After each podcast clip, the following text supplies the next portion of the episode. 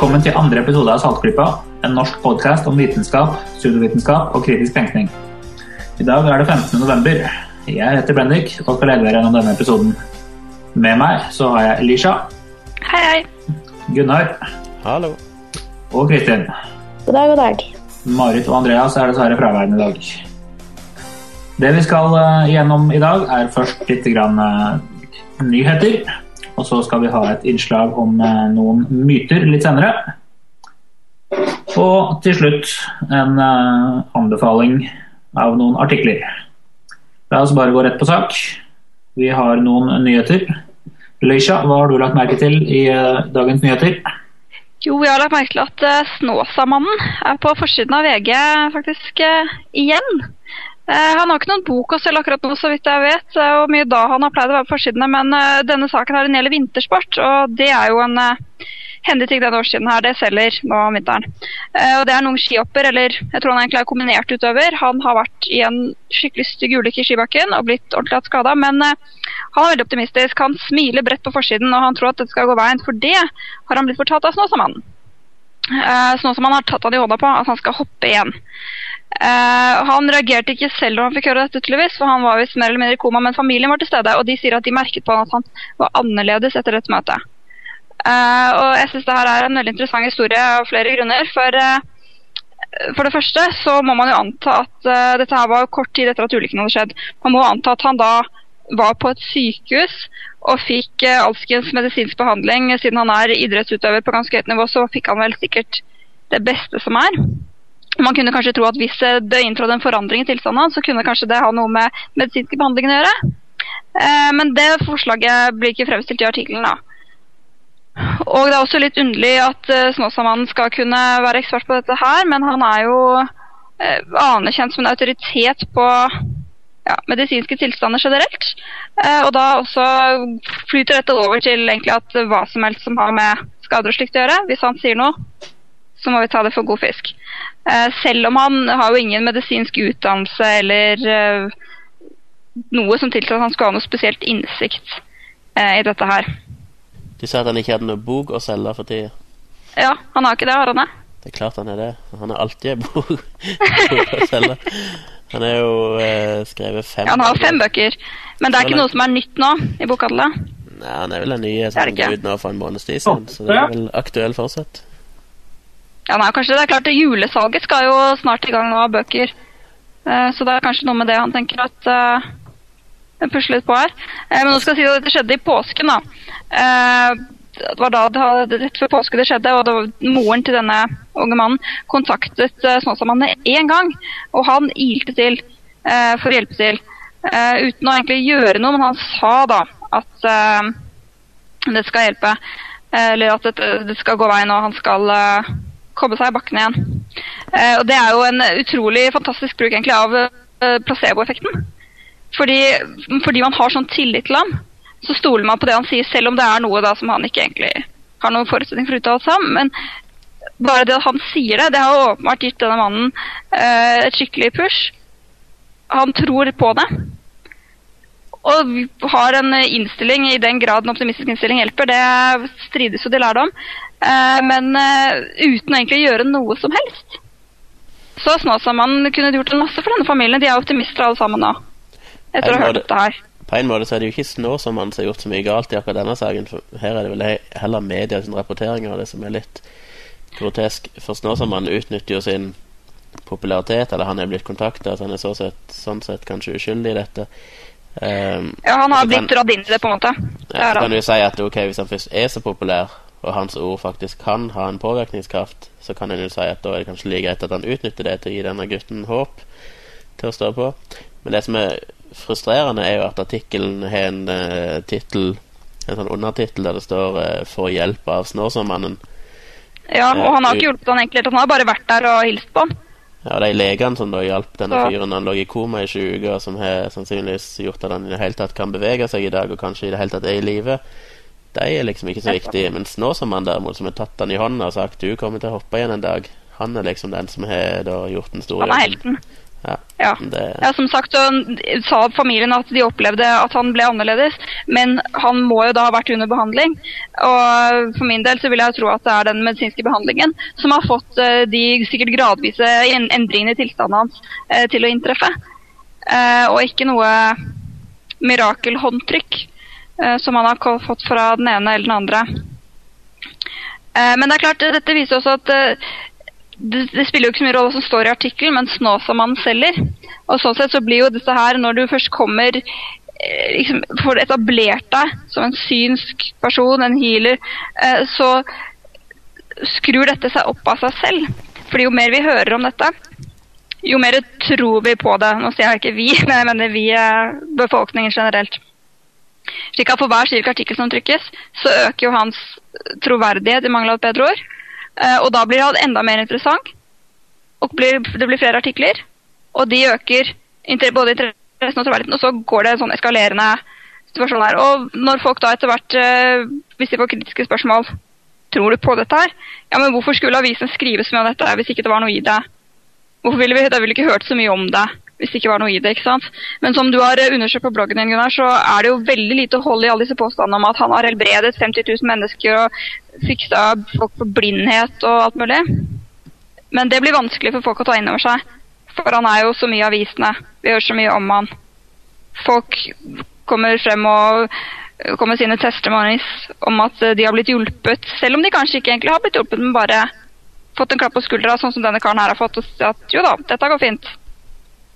Noe som egentlig hvem som helst kunne gjort, men fordi sånn som han har blitt bygd opp, sånn som han har blitt, så får hans utsagn en helt annen gjennomslagskraft. Det er veldig interessant hvordan det der fungerer. En synergieffekt mellom media og befolkningen. Det er uh, absolutt riktig. Det blir en, uh, en sirkel. Vi kaller det gjerne en ond sirkel, selv om det kanskje er feil ord å bruke i denne sammenhengen. Når den bare eskalerer uh, seg selv på den måten der og klarer aldri å stoppe. Det er noe av det riktignok vi håper på å klare å gjøre her, men det er en eh, lang vei. Et langt lerret å bleke. Mens vi er på temaet Snåsamannen, så kan jo vi eh, nevne at eh, under konferansen Kritisk masse for to uker siden, så lovte Christian Gundersen 100 000 kroner til Snåsamannens veldedige organisasjon hvis han eh, kunne klare å demonstrere sine evner under kontrollerte omstendigheter. Og det skulle han vel få velge akkurat selv hvordan de eh, omstendighetene skulle være, om jeg ikke husker feil. Ja, utfordringen akkurat nå var i hvert fall eh, å kunne lese hva som var bakpå spillkort når de lå med ansiktet ned. Men jeg vil, vil vel tro at eh, Gundersen godtar ganske mange forskjellige tester hvis bare Snåsamann klarer å bevise det. Ja, han ga absolutt det inntrykket. Men eh, vi går eh, videre. Det var ukens uh, Snåsamann-sak. Kristin, du, Ja, du har noe Ja. revolusjonerende nytt å fortelle oss.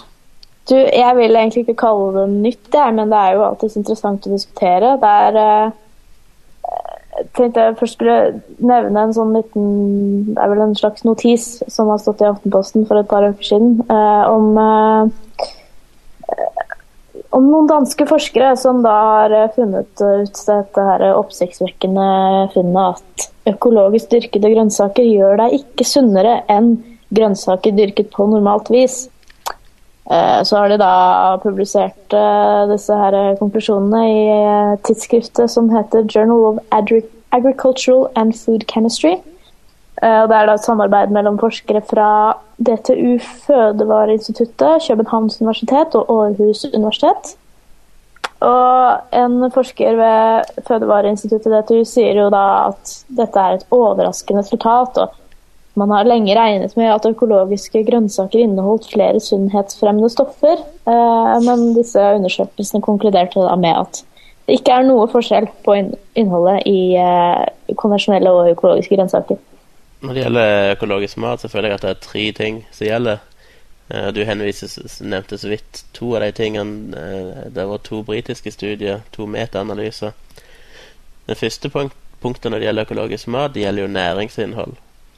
Og da har jo den metaanalysen vist at det er litt små forskjeller på næringsinnhold mellom økologisk mat og konvensjonelt dyrka mat. Men at det dreier seg mer om måter det blir produsert på, enn akkurat de økologiske metodene. Og at det totalt sett så har det ikke noe vesentlig eh, betydning. Eh, punkt nummer to er jo helseeffekter. Får du faktisk bedre helse av å spise økologisk mat? Der viser òg en stor engelsk metaanalyse at det var ingenting som støtta den påstanden. Så de to føler jeg har vært så mye studier på nå at det mest ikke er noe hold igjen lenger. Det, det skal mye til å kunne akseptere påstander om både næringsinnhold og helseeffekter. Men det tredje punktet, som fortsatt er uavklart etter mitt syn, er jo miljøaspektet. Og det er vel ting som tyder på at økologisk dyrka mat kan være positivt sett i et miljøperspektiv. I forhold til biologisk mangfold og en del forskjellige faktorer. Men ja. når det gjelder helse og næringsinnhold, det er også, ja. Ja.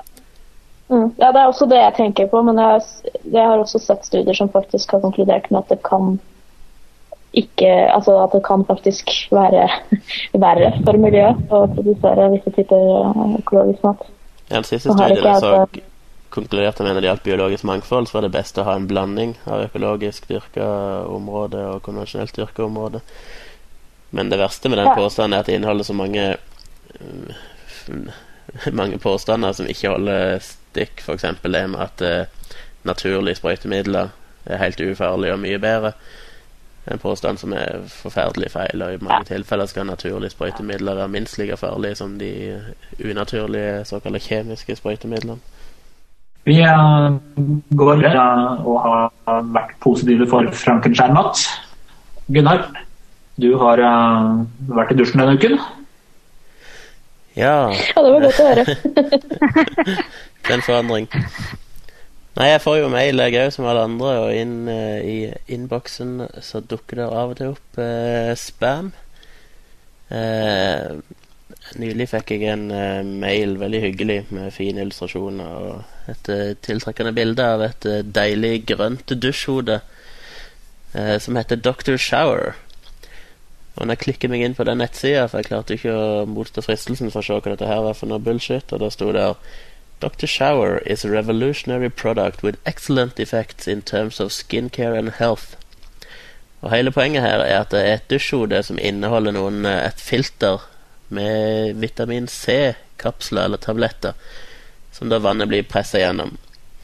Og På nettsida kommer de med mange interessante påstander. Eh, de fremstiller for det første klor i vannet som forferdelig farlig. Og denne her vitamin C-dusjhodet det vil nøytralisere 99,9% av det skadelige kloret i vannet. Uh, nå er jo selvfølgelig det en påstand som er vanskelig å akseptere i utgangspunktet, for norsk vann har jo forferdelig lite klor. Og vannet hadde vært vesentlig mye farligere å drikke hvis det ikke inneholdt klor. Så ja, Vi har jo klor i vannet for å nøytralisere bakterier, og hvis da denne dusjhodet nøytraliserer klor igjen, så, så ta det ja, Nå er det ikke så mye hvis, i den lille perioden det tar fra å komme fra dusjhodet og ned på kroppen din, men uh, hvis det hadde blitt utbredt og den virkelig nøytraliserte kloren, så kunne det hatt ganske skadelige effekter på uh, vår allmennhelse. Jeg er veldig imponert over at jeg har kommet fram til at det er 99,9 mm. Jeg er veldig interessert i å vite hvordan vi kom frem til det. Spennende regnestykke. Ellers så baserer jo dette her seg på myten om, eller ideen om at vitamin C er en slags vidunderkur som er veldig, veldig sunt. Alle vet jo at frukt er sunt. Det er masse vitamin C i frukt, og det virker mot forkjølelse, og det virker mot kreft, og det er ikke måte på hva vitamin C kan kurere. Eh, og her har de til og med føyd til at eh, ja, I tillegg til at det nøytraliserer disse klortoksinene som vi får på kroppen når vi dusjer, som alle vet jo at det er forferdelig å dusje i Norge, for da blir vi jo Toksiner, ja. gift. Så, vi, så vil det gi deg eh, veldig mykt og fast og ungdommelig hud. Og mykt og sunt hår. Så det er ikke bare bare. Det er litt innebygd eh, balsam også, da. Rett og slett. Jeg trenger ikke det, vitamin C fikser biffen. Avslutningsvis på denne saken her, så vil jeg si at eh, denne vitamin C uh, hypen som uh, vi hører til stadighet, at den kurerer alt mulig rart, er uh, stort sett Linus Pauling sin feil.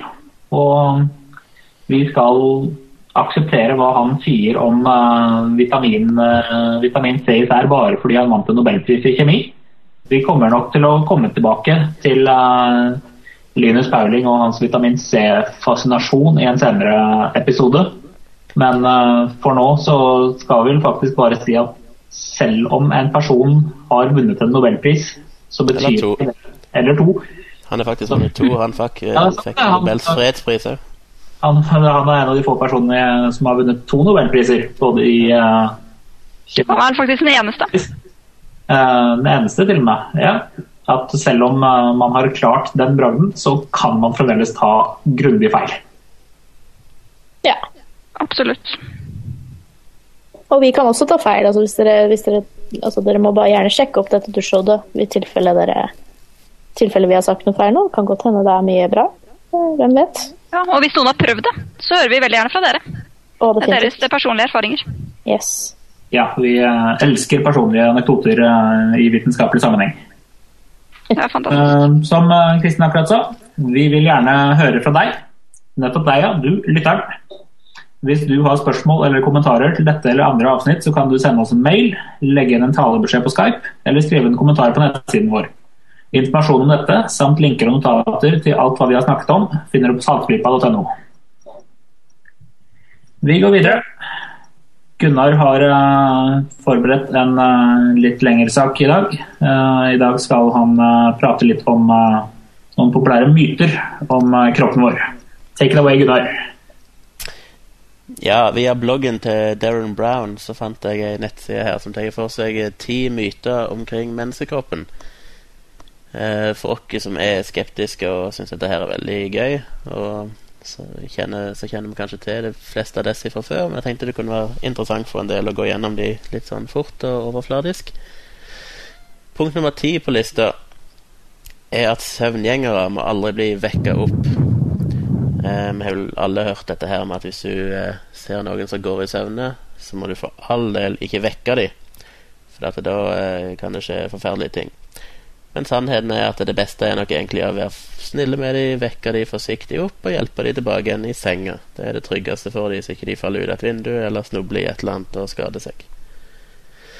Faren er vel at de er Faren er vel at de er veldig desorienterte. Og, og også at de Det er jo nok best å vekke dem i og med at det kan hende de snubler over et eller annet. Ja, De er ikke sikkert de blir så veldig glad i deg når du vekker dem, men det er til deres eget beste. Jeg blir jo ikke glad hvis noen vekker meg selv når jeg ikke er ute og går, så Nei, jeg er ikke noe glad i når vekkerklokka vekker meg i morgen engang, så men det er en annen sak. Så kommer en av mine favoritter. Og det er at du ikke blir forkjøla av å gå ute i kaldt eller vått vær. Vi har jo alle hørt helt siden vi var små at å, du må kle på deg, for du må ikke fryse, for da blir du sjuk. Men det har vært jo, vært gjort mye forskning på det, og eh, det er veldig lite som tyder på at mennesker faktisk blir sjuke av å fryse. Det er lite som tyder på at hvis du allerede er sjuk og utsetter deg for kulde, så blir du heller ikke noe dårligere. Eh, årsaken til at folk har denne misforståelsen, er en sånn misforstått årsak-virkning-oppfattelse.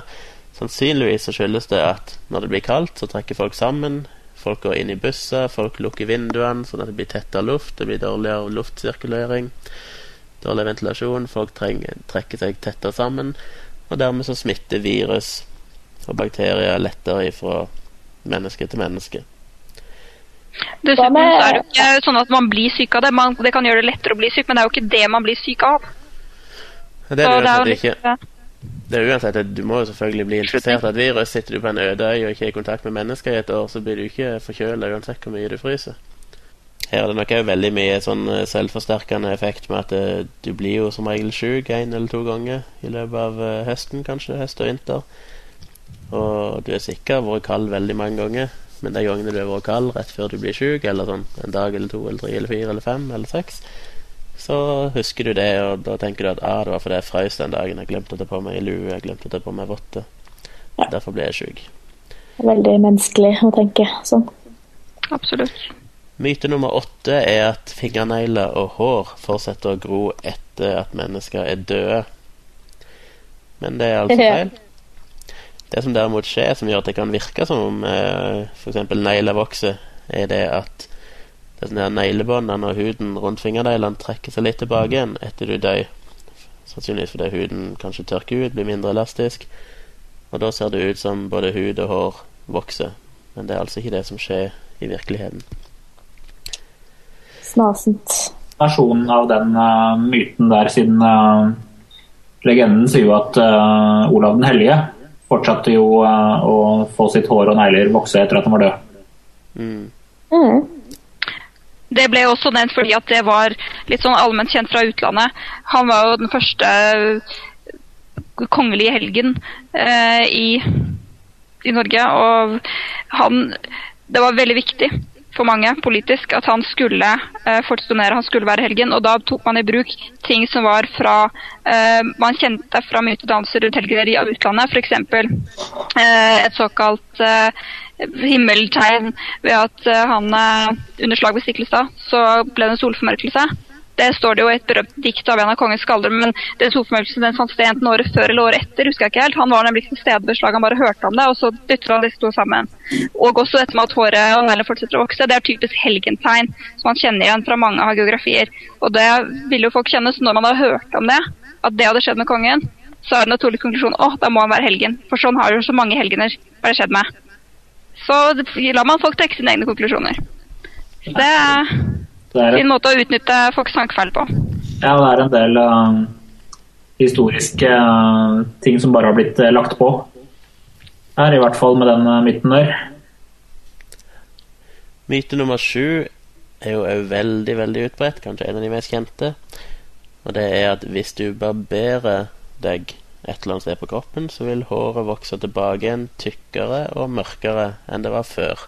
Denne myten her skulle jeg ønske var sann, for da kunne jeg klart å vokse et ordentlig helskjegg i stedet for uh, å bare ha den puskete ryddesaken jeg har nå.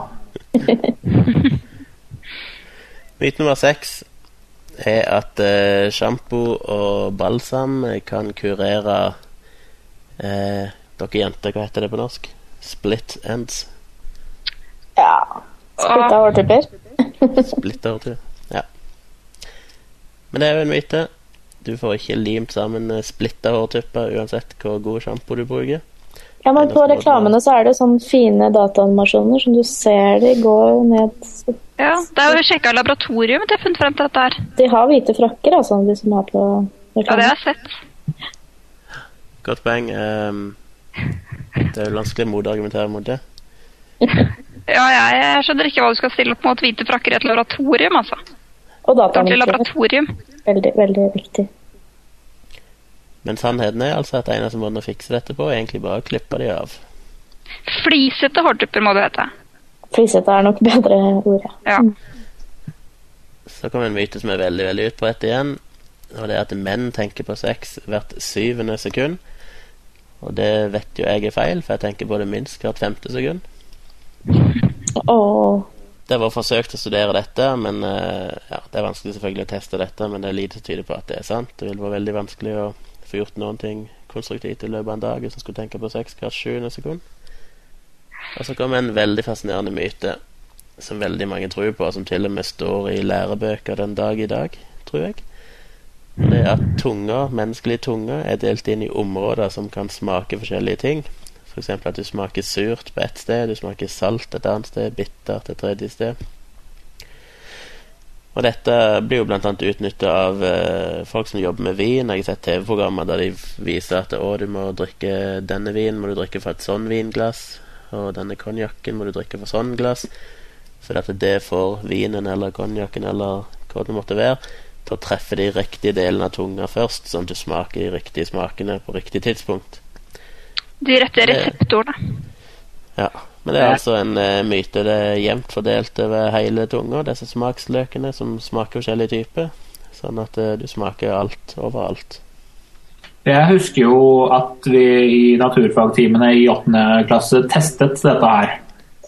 Og så klart, da var vel sannsynligvis metodologien vår litt feil, siden vi kom med den til at eh, det var riktig at eh, vi smakte forskjellige ting på forskjellige deler av tungen.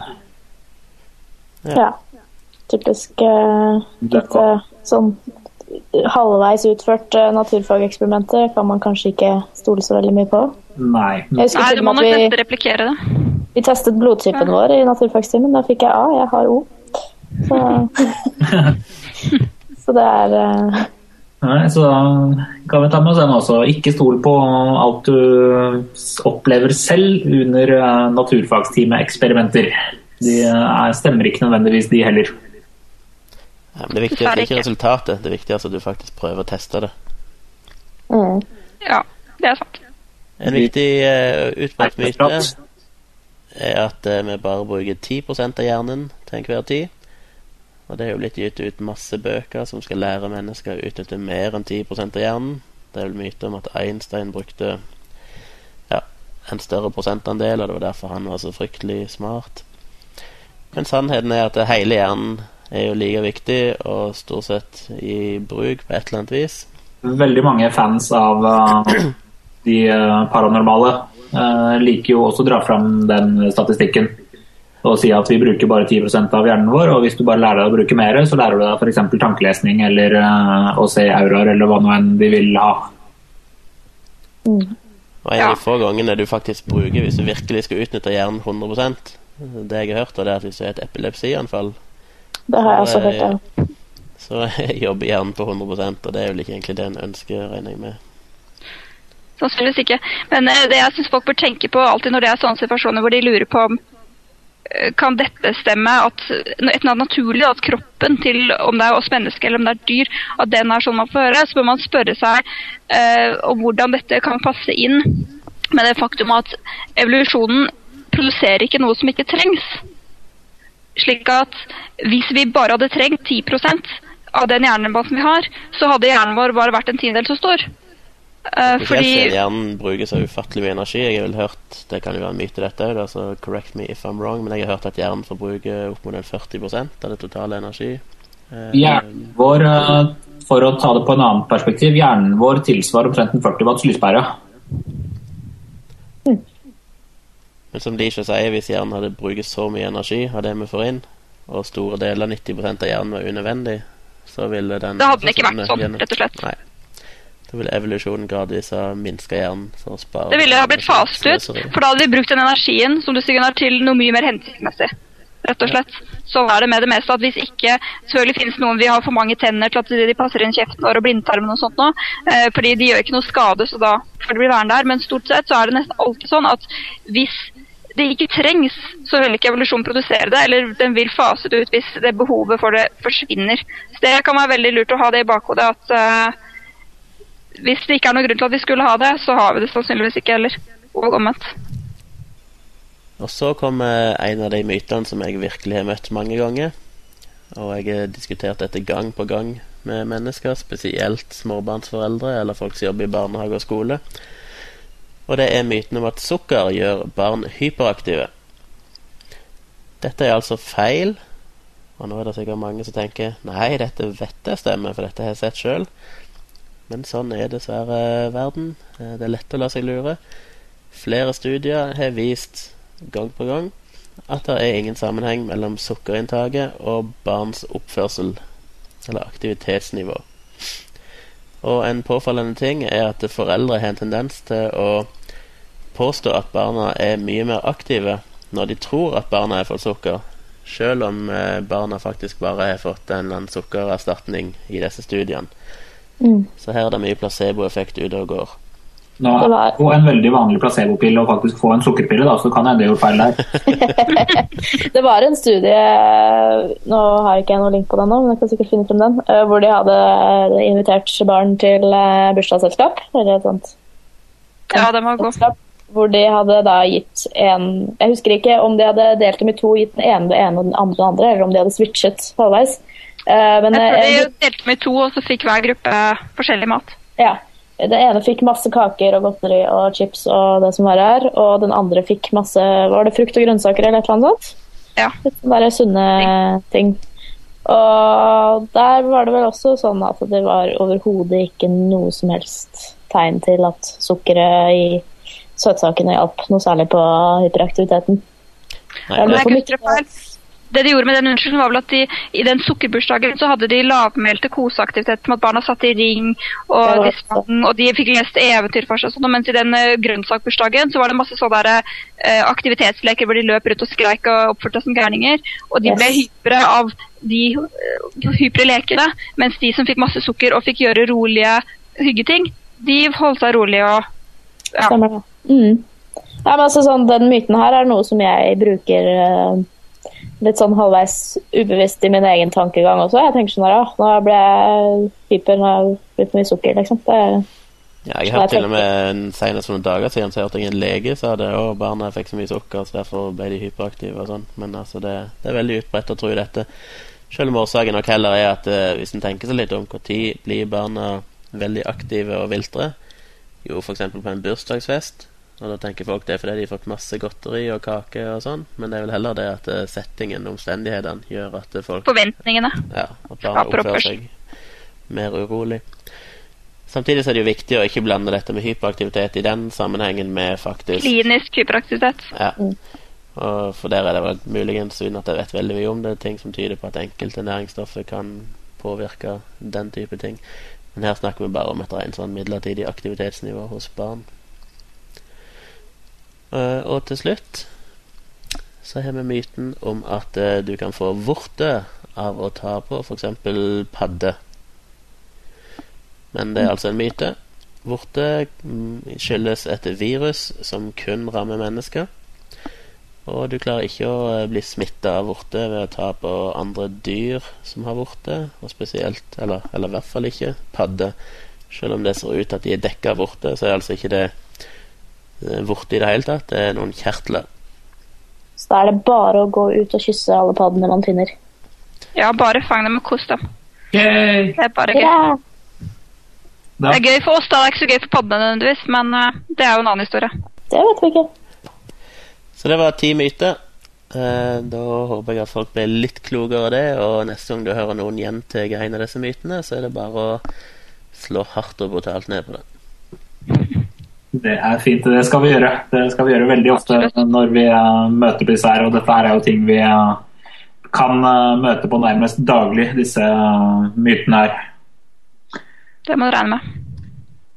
Vi går videre. Denne uken så har vi to anbefalinger til deg, lytteren. Den første er en bloggserie skrevet av vår egen Gunnar for eh, nettsiden eh, til eh, bladet Fri Tanke, dvs. Si fritanke.no. Han har skrevet en serie med artikler om et forbund som heter Kreftforbundet. De må ikke forveksles med Kreftforeningen. Og Kreftforbundet de sprer ganske mye svada og vås om kreft. Bl.a. vel det at den tidligere nevnte vitamin C kan kurere kreft. Eller hva, Gunnar? Ja, Kreftforbundet er skumle greier.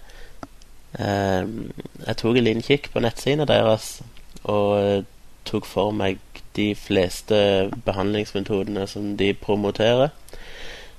Og de to største er kanskje vitamin C, som du nevnte, og dette stoffet som du finner i bl.a. aprikoskjerne, som eh, kalles for laetril.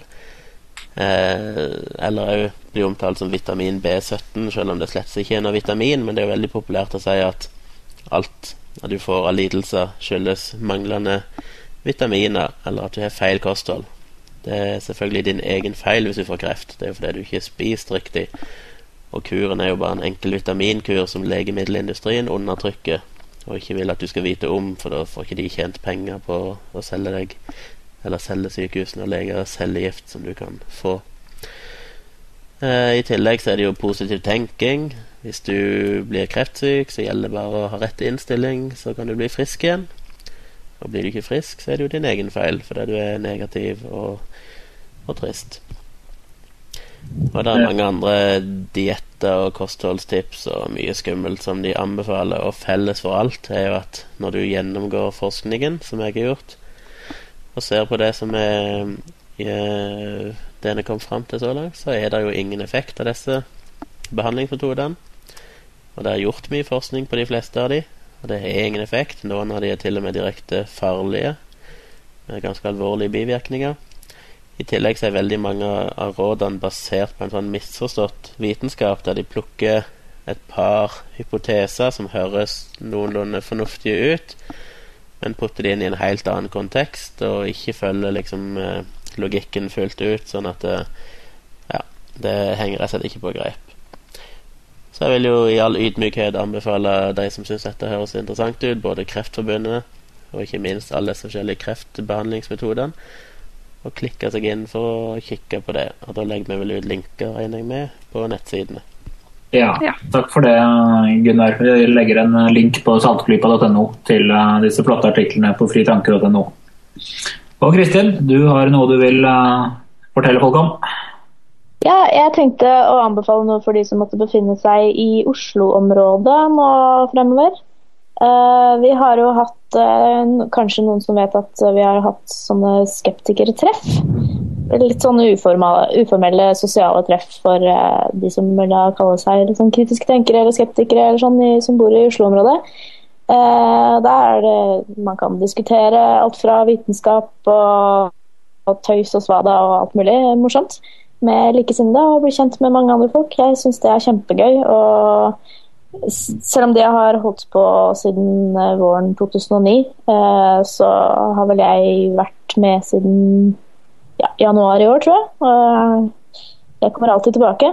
Eh, neste onsdag skal vi ha Jeg sier vi, for jeg er blitt litt involvert i arrangementene.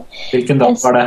Det er den 24. november. Eh, da skal vi ha et lite treff eh, på The Dubliner i Oslo. Uh, dere kan gå inn på nettsiden uh, til Skeptikere på puben Oslo, som vi kaller oss nå. Uh, som kan finnes på skeptikertreff.wordpress.com. Der finner du også linker til Facebook-eventer og vi er på Twitter og hele pakka. Så det er bare Jeg syns alle skal eh, prøve å komme på det. Så det er kjempekoselig.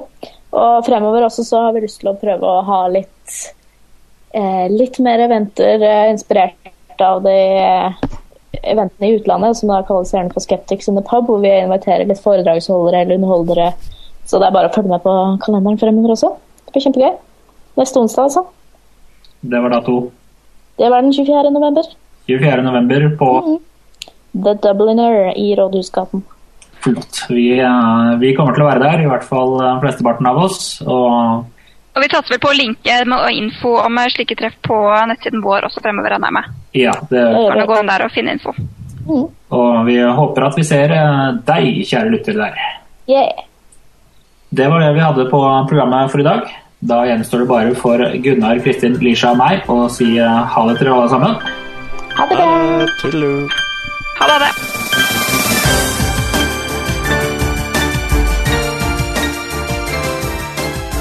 Saltklypa er en norsk podkast som tar for seg vitenskap og sunnvitenskap i samfunnet med et kritisk blikk.